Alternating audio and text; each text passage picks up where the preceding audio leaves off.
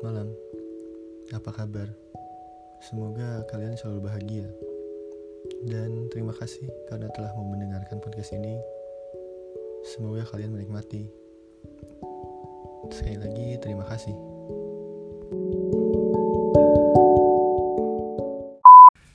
Oke, halo, selamat malam teman-teman. Terima kasih sudah mau mendengarkan podcast sepintas. Balik lagi bersama saya Ani Jaramilullah dan tentunya eh, pada episode kali ini saya akan membahas sesuatu yang menghangatkan, sesuatu yang membuat panas hubungan, yaitu judulnya selingkuh. Waduh. Dan tentunya kali ini saya tidak sendirian, saya ditemani oleh teman-teman saya. Boleh diperkenalkan dulu siapa dulu nih? Yang ini dulu. Du. Triazin, Adam Triazin Nur Effendi. Ya, di sini ada Adam dan satu lagi ada Nuris Muhammad. Oh, Adam Triazi IG-nya Adam Triazi. Waduh, Wah, jadi promosi. IG ya. Jangan pakai J. Kan nama entertain. Oh, iya. Muhammad. Nah, jadi jadi jadi gini guys. Kita hari ini akan membahas tentang selingkuh dan Anjay. anjay banget kan ya. Anjay. Oke, langsung aja ya untuk mempersingkat waktu. Menurut kalian, Nah, gini ada idenya.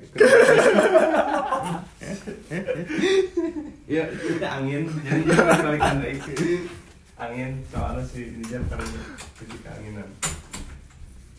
Udah terlalu Aduh. Sok tuh. oke, jadi langsung aja eh, ke pembahasan kita kali ini ya. Biar mempersingkat waktu juga. Menurut kalian, selingkuh itu apa sih? Dari siapa dulu nih? Dari itu dulu. Dari Bapak Adam dulu. Oke. Selingkuh itu apa? Membaca di Wikipedia sih selingkuh itu adalah sebuah upaya pengkhianatan terhadap komitmen atas nama kesetiaan gitu yang sudah dijalin dengan pasangan yang kita miliki Ya. gitu. Itu kalau kata Wikipedia sih. Mm. Jadi intinya selingkuh tuh kayak mengkhianati lah ya, mengkhianati Mm. kesepakatan antara dua insan yang sudah Menjalin hubungan antara satu dengan yang lain. Gila, nyambung banget itu. Heeh. Terus menurut eh udah itu itu aja ada lagi? Udah itu sih kan tadi Ah, iya. nanyain selingkuh itu apa kan Iya. itu berarti nanyain definisi. Iya. Kalau menurut Bapak Nuris itu? Selingkuh itu eh, seni untuk mengo- mengotori suatu hubungan. Gila. Secara simpelnya seperti itu. Gila sih. Bahasanya pada tinggi-tinggi ya. Nah, kalau hubungan anda ingin toksik ya silakan selingkuh. Seperti itu. Iya, jadi seperti itu ya teman-teman Oh. selingkuh itu. Nah, dan mungkin sebelum eh, pertanyaan selanjutnya, selingkuh itu enak nggak sih? Gue mau nanya dulu nih, kalian berdua pernah selingkuh nggak? Siapa dulu? Nulis dulu deh tadi ada udah Ah. nulis. Eh, kalau nggak salah pernah sih. Iya. Kalau nggak salah pernah. Oke. Pernah pernah. Pernah. Kalau Adam? Pernah dikit. Nah, ka- kalau kalau kalau gua itu selingkuhnya itu kalau misal gua punya pasangan nih, terus gua pacaran lagi sama yang lain, belum pernah seumur hidup Ah. kayak gitu. Tapi kalau ketertarikan dengan cewek lain Ah. itu pernah. Oh. Dan tentu tentu itu ada prosesnya kan. Jadi maksud gua gini, eh, dalam eh, proses pendewasaan terhadap cinta Hmm. Itu pasti akan ada prosesnya. pakar cinta ya? Dan prosesnya itu ya katakanlah kan proses pubertas. Jadi dulu kita pasti pernah ngalamin yang namanya cinta monyet kan. Hmm. Nah, eh, itulah salah satu proses pendewasaan. Gue pernah dapet cerita eh, dari teman. Jadi tiba-tiba lagi nongkrong kan, terus udah lagi nongkrong gitu, ditembak sama, eh, sama satu pertanyaan gitu. Apa tuh? Eh, Dam, lu gak pernah main ya sama cewek lu gitu. Nah, posisinya waktu itu gue masih punya pacar kan. Kalau sekarang, alhamdulillah gue single. Walaupun single harus dihargai, eh, Iya. harus dihargai. harus, dia harus menghargai status diri sendiri. Gitu kan. mengapresiasi. Mengapresiasi, that's it. Gue nyari kata itu Ya, susah. sekalian promosi ya di podcast Iya, ini. sekalian promosi. Jadi waktu itu gue masih punya pasangan nah, dan sekarang single kan Nah, udah kayak gitu ditanya kayak gitu dam lu gak pernah main ya sama cewek lu? Ya gue kan koneknya main Jalan-jalan. kan Heeh. gitu. Ke hangout lah kan ke mana. Nah akhirnya kan akhirnya gue tanya lagi nih gitu. Ah ya sering lah main gitu. Main main jalan-jalan kayak gitu. Nah terus dia ngomong lagi bukan bukan kayak gitu. Maksud gue tuh gini lu gak apa belum pernah main sama cewek lain gitu. Maksudnya cewek sama maksudnya main sama cewek lain tuh menjalin hubungan lagi dengan cewek yang lain dengan banyak cewek kayak gitu. Nah dan gue bilang ya itu apa namanya belum pernah gitu. Kalau tertarik doang sih kan pernah ya itu hal yang manusiawi gitu. Itu pasti kita pernah tertarik dengan cewek lain gitu pada saat kita punya pasangan pun gitu. Dan akhirnya dia omongin kayak gini ngeluarin peribahasa gitu. Eh, bukan peribahasa ngeluarin eh, advice lah gitu. Ah. dam kalau lu udah punya cewek gitu yang emang udah eh, jadi patokan lah buat lu gitu lu simpen ceweknya di lemari udah simpen ceweknya di lemari lemarinya lu kunci nah lu cabut katanya gitu. Nah udah cabut ya lu apa namanya nyari cewek yang lain yang banyak gitu. Kenapa? Karena kita masih muda katanya gitu. Dan mumpang-mumpung masih muda kita abis ini rasa penasaran. Nah udah kita abis penasaran kita nanti kita pada saat udah ingin menjalin sebuah hubungan yang serius itu gak bakalan penasaran lagi. Nah di situ sebenarnya logis juga kan gua mikir wah anjir kayak si si Gana aing boleh juga tuh kayak gitu gitu kan. Jadi maksudnya gua apa harus kelayapan dulu gitu biar nanti pernah rasa penasaran gua hilang dan akhirnya gua bisa serius dengan satu cewek gitu. Ya. nah itu Coba di- apa namanya advice itu gak gua telan bulat-bulat gitu. Nggak karena harus kalau uh, uh, kalau seandainya kalau seandainya ditelan bulat-bulat itu pasti bakalan keselak gitu. Akhirnya Ya. Gua analisa dulu dulu gua telaah dulu dan akhirnya eh, ada sebuah eh, kesimpulan gitu. Bahwasannya itu tuh adalah sebuah proses pencarian jati diri yang tadi gue sebutin kan yang gue notice itu masalah cinta monyet. Nah pada saat nanti kita mengalami proses cinta monyet itu pasti kita bakalan kayak kelayapan gitu. Lihat cewek bening dikit tuh pengen pin bebeknya kan. Ah. Duh, lihat cewek yang emang kayak dewasa menarik gitu good looking lagi langsung dica- di apa dimintain nomornya gitu terus dideketin kan dipepet. Nah itu adalah sebuah proses jati proses pencarian jati diri yang emang adalah masanya gitu. Dan setiap pendewasaan seseorang itu pasti beda-beda gitu ada yang ngalaminnya SMP gitu kan proses itu tuh ada yang ngalaminnya mungkin masih SMA masih ngalamin masih kuliah masih ngalamin gitu. Masih dalam proses itu gitu karena apa namanya setelah kita mengetahui gitu ap- apa namanya proses eh, cinta monyet itu pasti lama kelamaan kita bakalan kayak rasa duh anjing ngapain gue kayak gitu, gitu. pasti bakalan capek gak sih bakalan bosen gak sih gitu kan terus terusan kayak gitu kita terus terusan berkutat dengan cewek yang gak tahu kita itu pengennya kayak gimana untuk diri kita sendiri Nah. gitu kita kita gak tahu gitu ceweknya pengen cewek yang kayak gimana dan kita dapat rasanya pasti bakalan selalu salah gitu. Karena kita belum dapat si pencarian jati dirinya itu gitu. Dan itu adalah sebuah proses dan kita harus menghargainya. Nah jadi di, dalam karena atas dasar kita harus menghargai proses itu gue juga nggak ngejudge gitu. Kalau misalnya orang atau temen yang cerita ke gue dia itu belum dewasa dalam hal masalah percintaan gue nggak ngejudge itu sih jadi eh, apa namanya setelah ya nanti juga akan ada titik di mana aduh capek juga sih kayak gini. Kalau nggak ngerasain titik itu itu namanya rakus. Kita jauh-jauhin lah rasa rakus kayak gitu gitu. Ya kita harus lihat looking into the future. Kita harus Looking to the visual. kita harus lihat ke situ.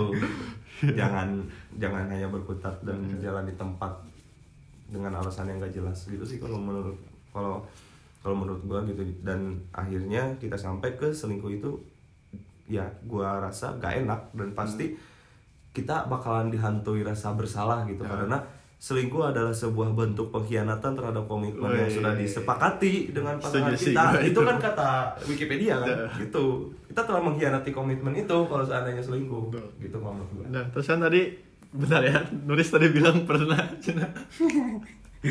nah, coba Eh, dan kan berarti maksudnya lu pernah terus lu eh, merasakan enak ya sih ternyata selingkuh itu menurut lu setelah menghadapi fase itu. Enak gak enak tergantung eh, tergantung kondisinya. Maksudnya kondisi itu balik lagi tadi ke Adam kan. Kalau misalkan waktu itu waktu eh, waktu melakukan perselingkuhan meskipun ya katakanlah kata Adam tadi kan mencari jati dirinya ya mungkin gue juga sedang di fase itu gitu kan. enak gak enak sebenarnya eh tergantung kita Iya, menyikapi ter- kan. tergantung kita menyikapinya dan selingkuh itu nggak harus di nggak harus di apa ya enak enak ya nggak harus di bangga banggakan ya nggak harus dibangga-banggakan juga sih benar Jadi biar diri kita yang merasakan Ya, duka biar kita kalau seandainya merasakan selingkuh itu cuma enak ya. Eh, lebih baik sih jangan sih jangan Ah, repotnya iya di akhir gitu Ini opini Anda tergiring. Jadi opini Anda tergiring. suka podcast ya. opini Anda. saya, saya suka podcast Harusnya kalau gak enak ya udah terus aja ke situ. ke bawah-bawah itu Iya, jadi tapi sekarang udah melewati masa itu lah ya sekarang Iya. udah mulai serius lah ya. Ah, udah serius, mulai serius. Iya. saklek gitu ya Heeh. Dulu tuh karena apa ya mungkin karena gengsi ya. terus tuh eh, kalau pengalaman gua mah nyari jadi tipe ceweknya nggak nggak sesuai apa yang diinginkan gitu. Dan buat nyari tipe yang diinginkan itu kan pasti harus ngelewatin masa pubertas dulu dulu Iya. kan. Ah. Hmm. Pubertas cinta monyet heula gitu. Orang ngelayap dulu, udah ngelayap akhirnya kita lama kelamaan mikir capek anjing gitu.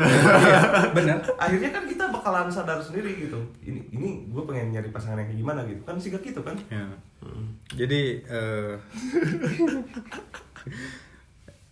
Ya itu tadi hanya tambahan kan sebenarnya kayak gitu gitu kan tadi maksudnya bener jadi gue sepakat sih sama tadi kata Nuris.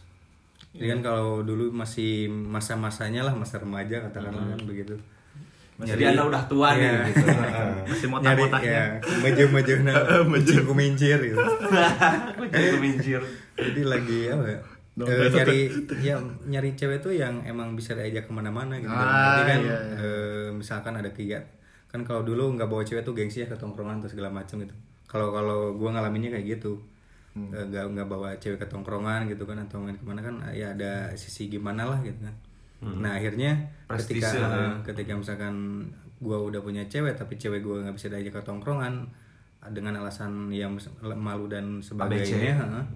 Ya akhirnya gue cari cewek yang emang bisa diajak ke tongkrongan gitu yang bisa berbaur sama teman-teman gue juga gitu.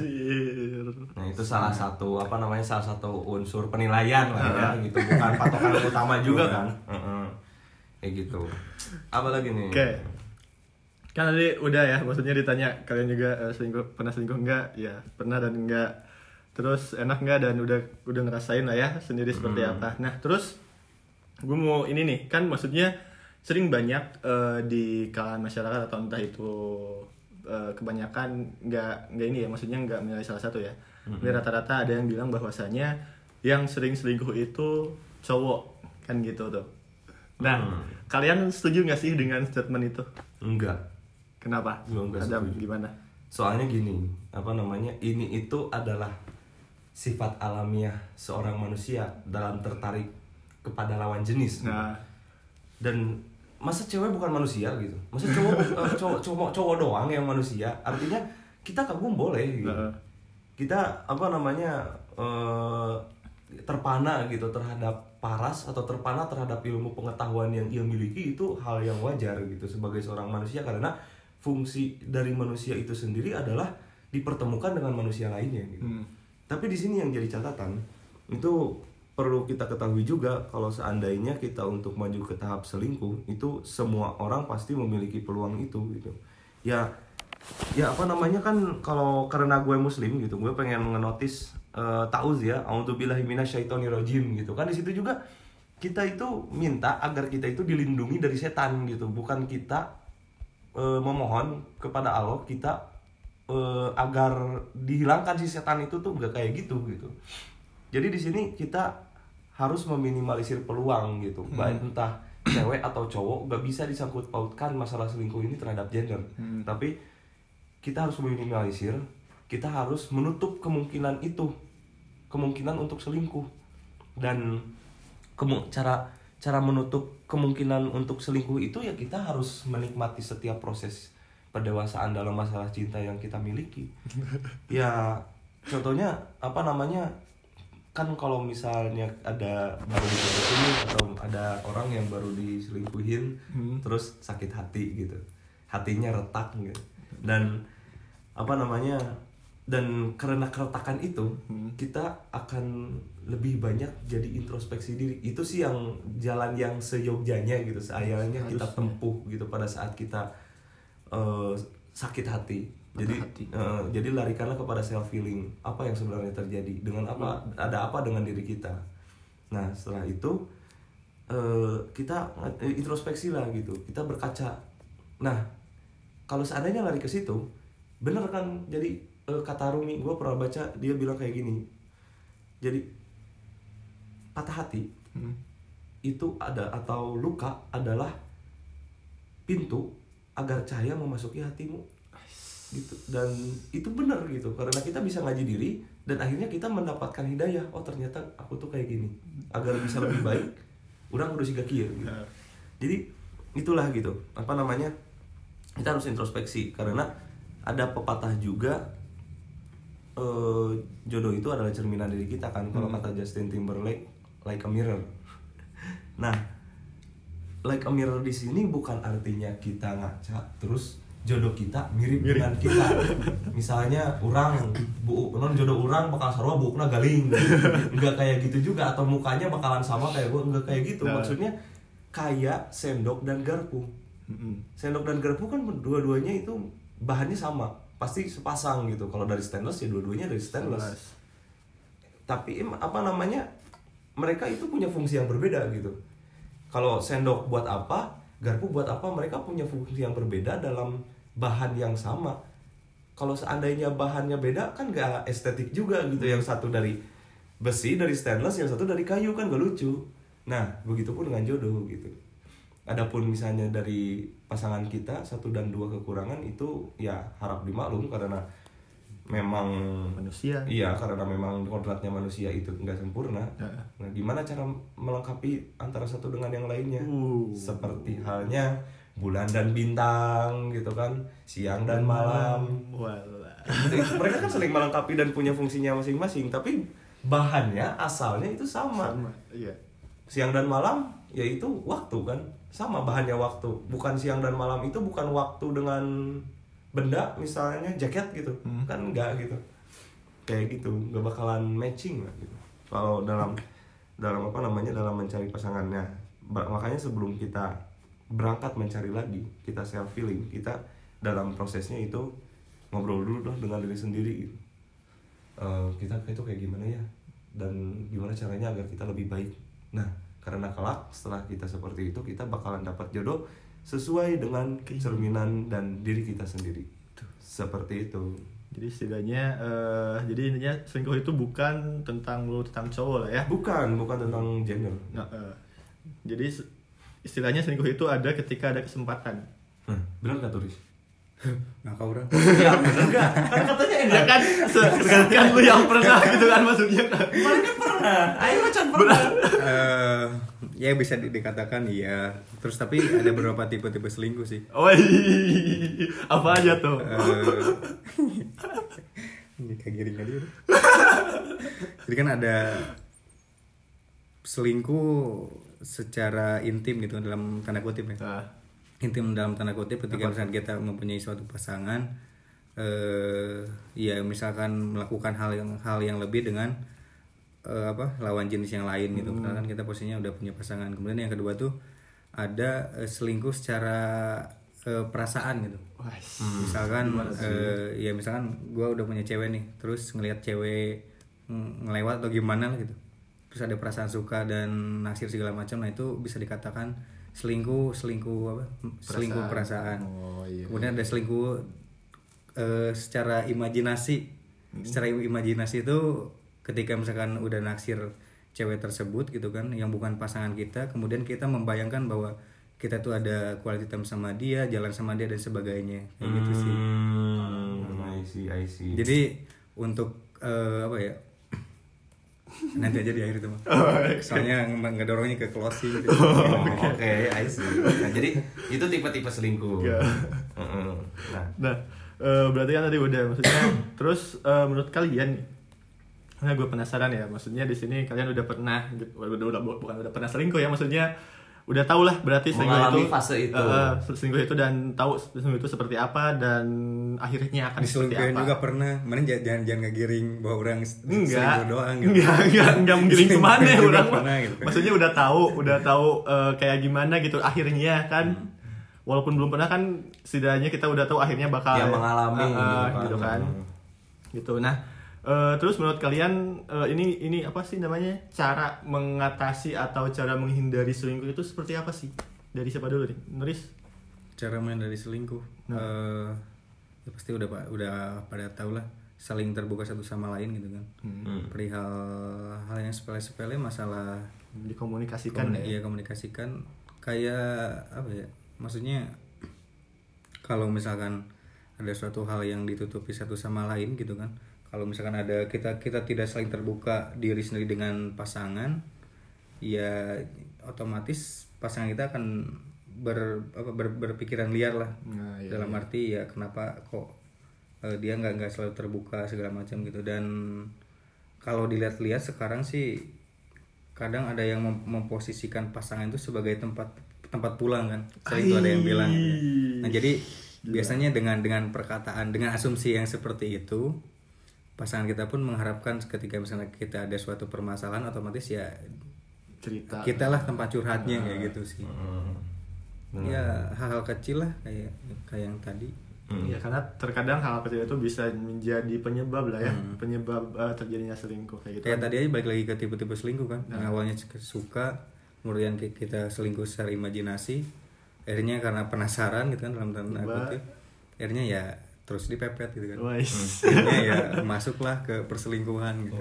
Tapi yang tadi ngenotis ini Riz, apa namanya yang tadi mana ngomongin kan masalah komunikasi dan kejujuran serta kita harus jadi diri sendiri kan. Nah, itu adalah hasil gitu atau step selanjutnya daripada ngaji diri gitu. Setelah kita self healing gitu setelah kita tahu apa mau kita, siapa kita dan gimana kita, akhirnya nanti kita akan e, memikirkan pasangan apa nih yang kira-kira cocok dengan kita. Nah, itu tahap untuk menentukan standar. Dan dan agar kita bisa kayak jujur dan jadi diri sendiri kepada pasangan kita itu kita harus tahu dulu gitu standar kita terhadap eh, cewek atau pasangan itu seperti apa. Ya contoh misal tadi apa namanya misal agar kita be yourself dan kita bisa mengkomunikasikan jokes lah katakan gitu ya jokes yang kita komunikasikan nyampe ke dia gitu. Itu harus dilihat dulu kita jokes kita itu jokes kita itu kayak gimana gitu. Terus eh, gaya komunikasi kita kayak gimana gitu. Terus kalau seandainya kita pengen nongkrong lah katakan kita itu kayak gimana gitu. Dan itulah yang apa namanya salah satu titik-titik untuk menentukan pasangan itu gitu. Itu salah satu unsur untuk menetapkan standar yang kita inginkan sebelum agar kita tidak eh, terjerumus lagi gitu meminimalisir eh, peluang untuk berselingkuh. Kita harus punya standar dulu gitu Eh, pasangan apa nih yang kiranya cocok dengan diri kita? Betul. dan sebelum itu kita juga harus tahu kita itu seperti apa. Nah setelah kita eh, karena fungsi eh, standar itu kan meminimalisir resiko. Agar agar tidak terjadinya hal-hal yang tidak diinginkan. Kita punya standar-standarnya dan ternyata ada ceweknya dan ada Akhirnya. pasangannya. Akhirnya ya itu apa namanya? Itulah pilihan yang kiranya tepat. Kalau seandainya ada yang kurang tepat balik lagi ke ngaji diri. Setelah ngaji diri perbarui standar kita. Nah, dan ya pa- apa namanya patokan itulah gitu. Standar agar kita bisa meminimalisir resiko. Misal ya kita punya sebuah apa namanya kita punya sebuah pengetahuan pada saat ngobrol apakah dia ngerti apa yang apa yang ya apa apa yang dengan apa yang kita bicarakan. bicarakan. Da, apa terus misalnya pasangan kita katakanlah eh, pengen apa namanya duh misalnya pasangan kita tuh pengen gitu kayak Anya Geraldine misalnya nah ini apa namanya Anya Geraldine kan kaya selebgram Cakep. famous cakep Mantep. gitu. mantep mantap Sedap. apanya jadi maksudnya mantap Karirnya- karirnya bagus karirnya. mantap Bagus. Ya, nah kita di sini kita harus balik lagi dulu ke diri sendiri gitu dalam menetapkan standar itu. Yang pertama ilmu pengetahuannya, ilmu pengetahuannya kita bisa nggak mengimbangi dia, Hmm. bisa nggak atau bahkan bisa nggak melebihi dia. Terus yang kedua, apakah eh, kebutuhan dia atau keperluan dia da- atau bisa pun kemauan dia bisa nggak kita penuhin? Hmm.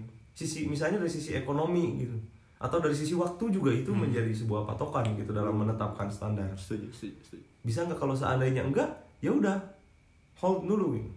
tahan dan setelah itu kita sudah mengetahui standar yang kita inginkan yang pengen kita milikin nah dari situ barulah kita apa namanya bisa sedikit demi sedikit merintis atau mengejar jodoh kita seperti itu Ya, gitu ini kan posi ya. eh, posisinya kan orang jomblo Ya. gitu single jadi jadi mengejar konteksnya Masuk promosi, masuk promosi.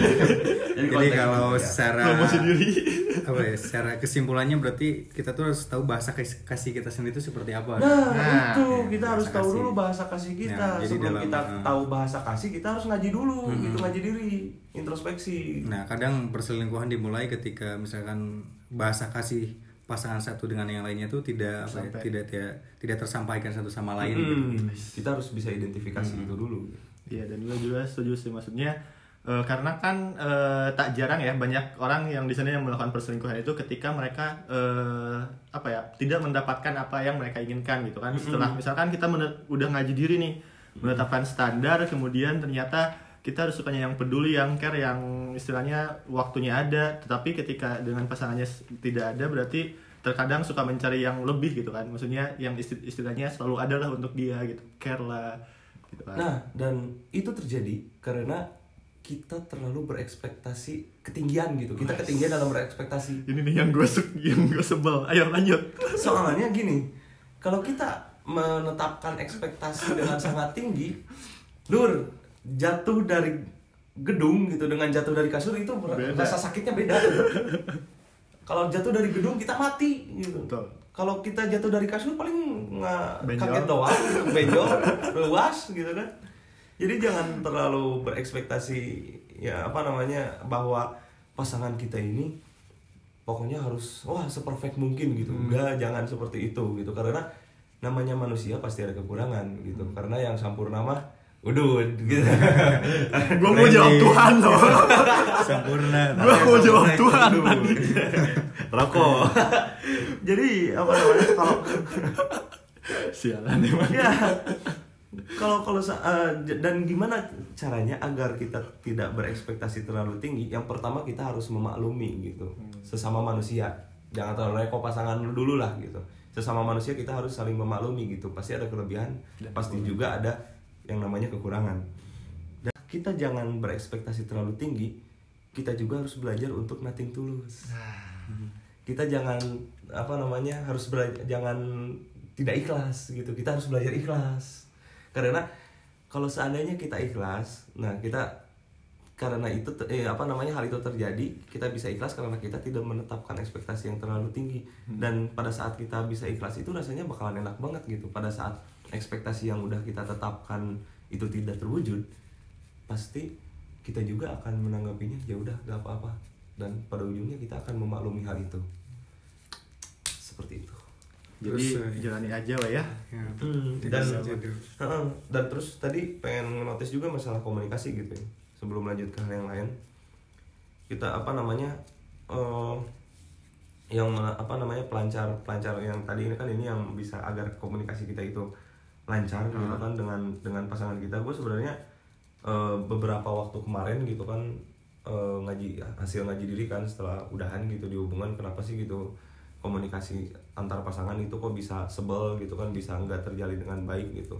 Setelah adanya ngaji diri gitu terus menetapkan standar ya kita juga harus apa namanya memaklumi gitu kan dalam lain sisi kalau seandainya lagi bete nih kan lagi bad mood gitu ya kita uh, apa namanya bukan orangnya gitu kan yang jangan ngejudge orangnya kalau dia itu ngebosenin jangan ngejudge bahwa orangnya itu jahat karena nggak ngasih kabar dan lain-lain gitu. Tapi kita harus memaklumi bahwa setiap orang juga itu memerlukan waktu dan ruangnya sendiri-sendiri gitu.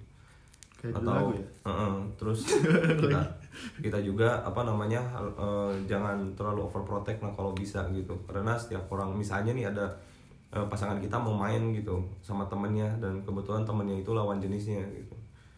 Nah kita di sini kayak overprotect langsung cemburu dan lain-lain. Nah aku sarankan sih jangan kayak gitu gitu karena setiap orang itu memiliki hak untuk berekspresi dan meluapkan perasaannya ataupun juga berinteraksi dengan yang lain di ruang komunikasinya masing-masing.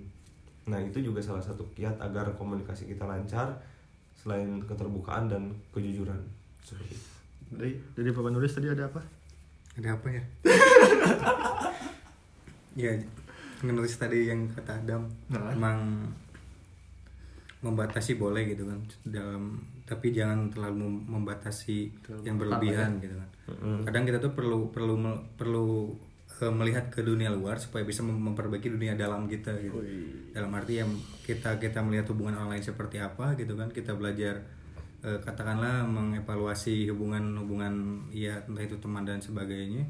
Lalu kita juga bisa am- ambil yang baiknya lalu bisa diterapkan ke dalam hubungan kita gitu kan. Itu maksudnya eh, kita harus harus lebih melihat ke dunia luar itu seperti itu.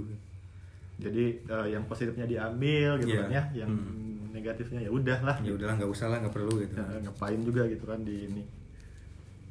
Seperti itu. Seperti kalau menurut kalian jadi orang nanya banyak. gitu kan. kan ini ngobrol aja. Ngobrol ya. selingkuh siapa yang salah? Wajir. hmm. Selingkuh siapa yang salah? Dari Nizar dulu kalau dari gue gak pernah selingkuh sih ya.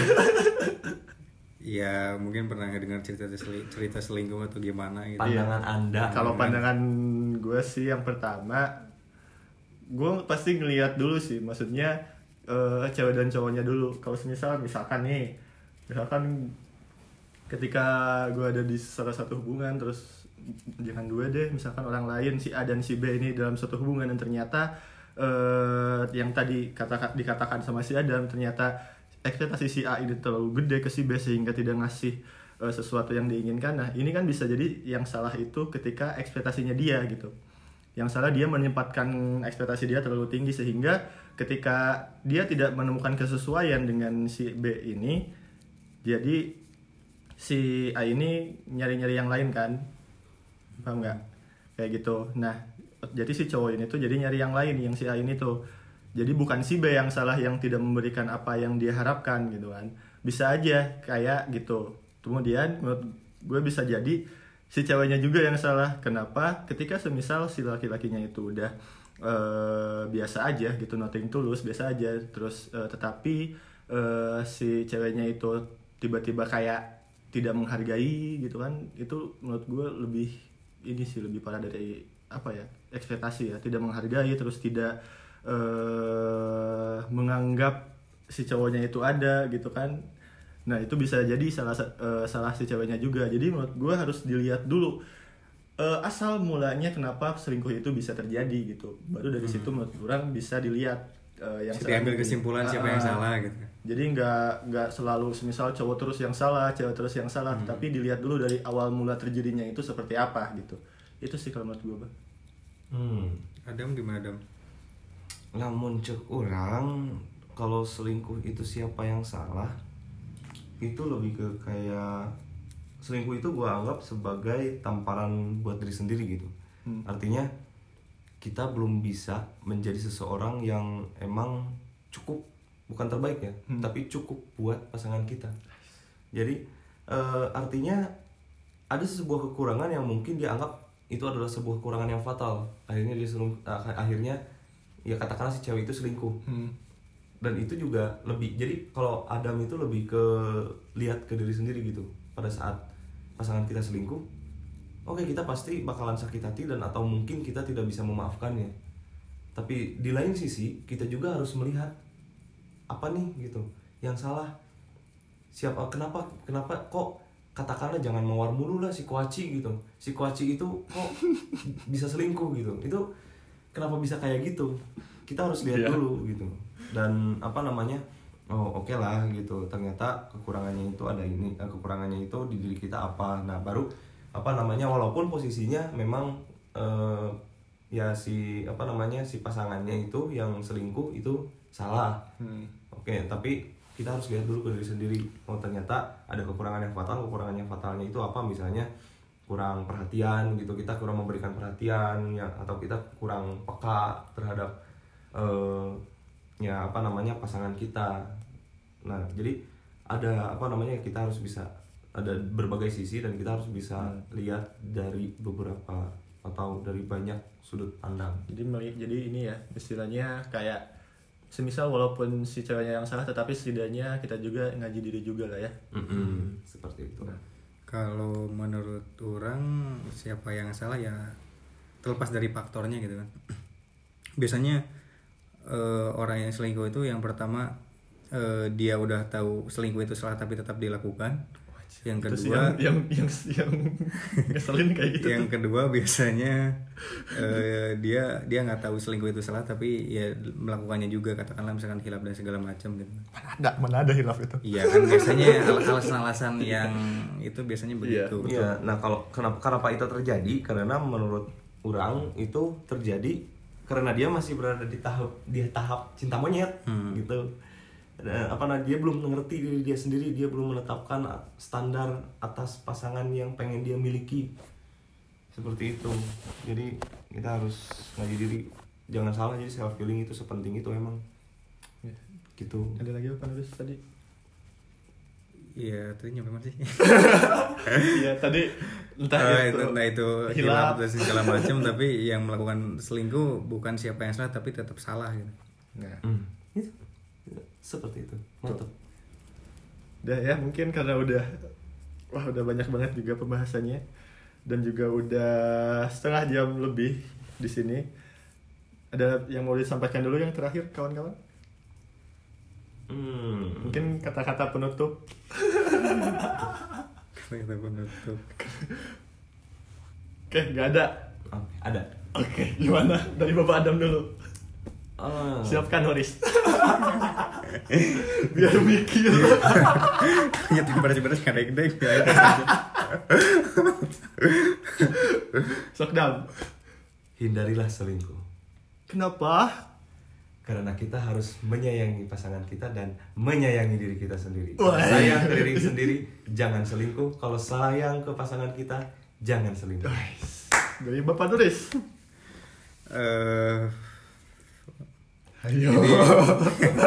Bing sekarang kayak gimana dipotong Belum. ya kadang kita juga nggak tahu ya maksudnya dalam dalam suatu hubungan ke depannya kita bakal selingkuh atau enggak gitu kan Semoga aja tidak. S- jadi seli- lebih baik kita eh, apa ya kalau kata Adam kan tadi main apa lebih standar kita ya terus di dalam suatu hubungannya tuh kita jangan terlalu banyak menuntut kepada pasangan lebih baik saling menuntun satu sama lain gitu. nah dari jadi dari faktor-faktor saling asalnya menuntut jadi menuntun yang akhirnya itu bisa menima- meminimalisir terjadinya perselingkuhan Mantap. Dan terakhir dari saya mungkin ya.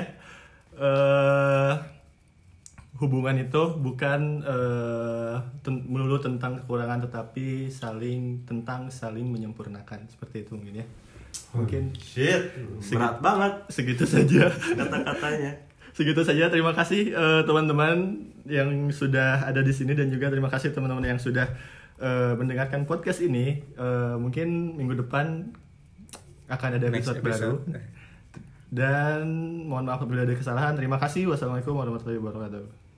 Waalaikumsalam warahmatullahi wabarakatuh. Salam kek. Dari dari bro Deui lah.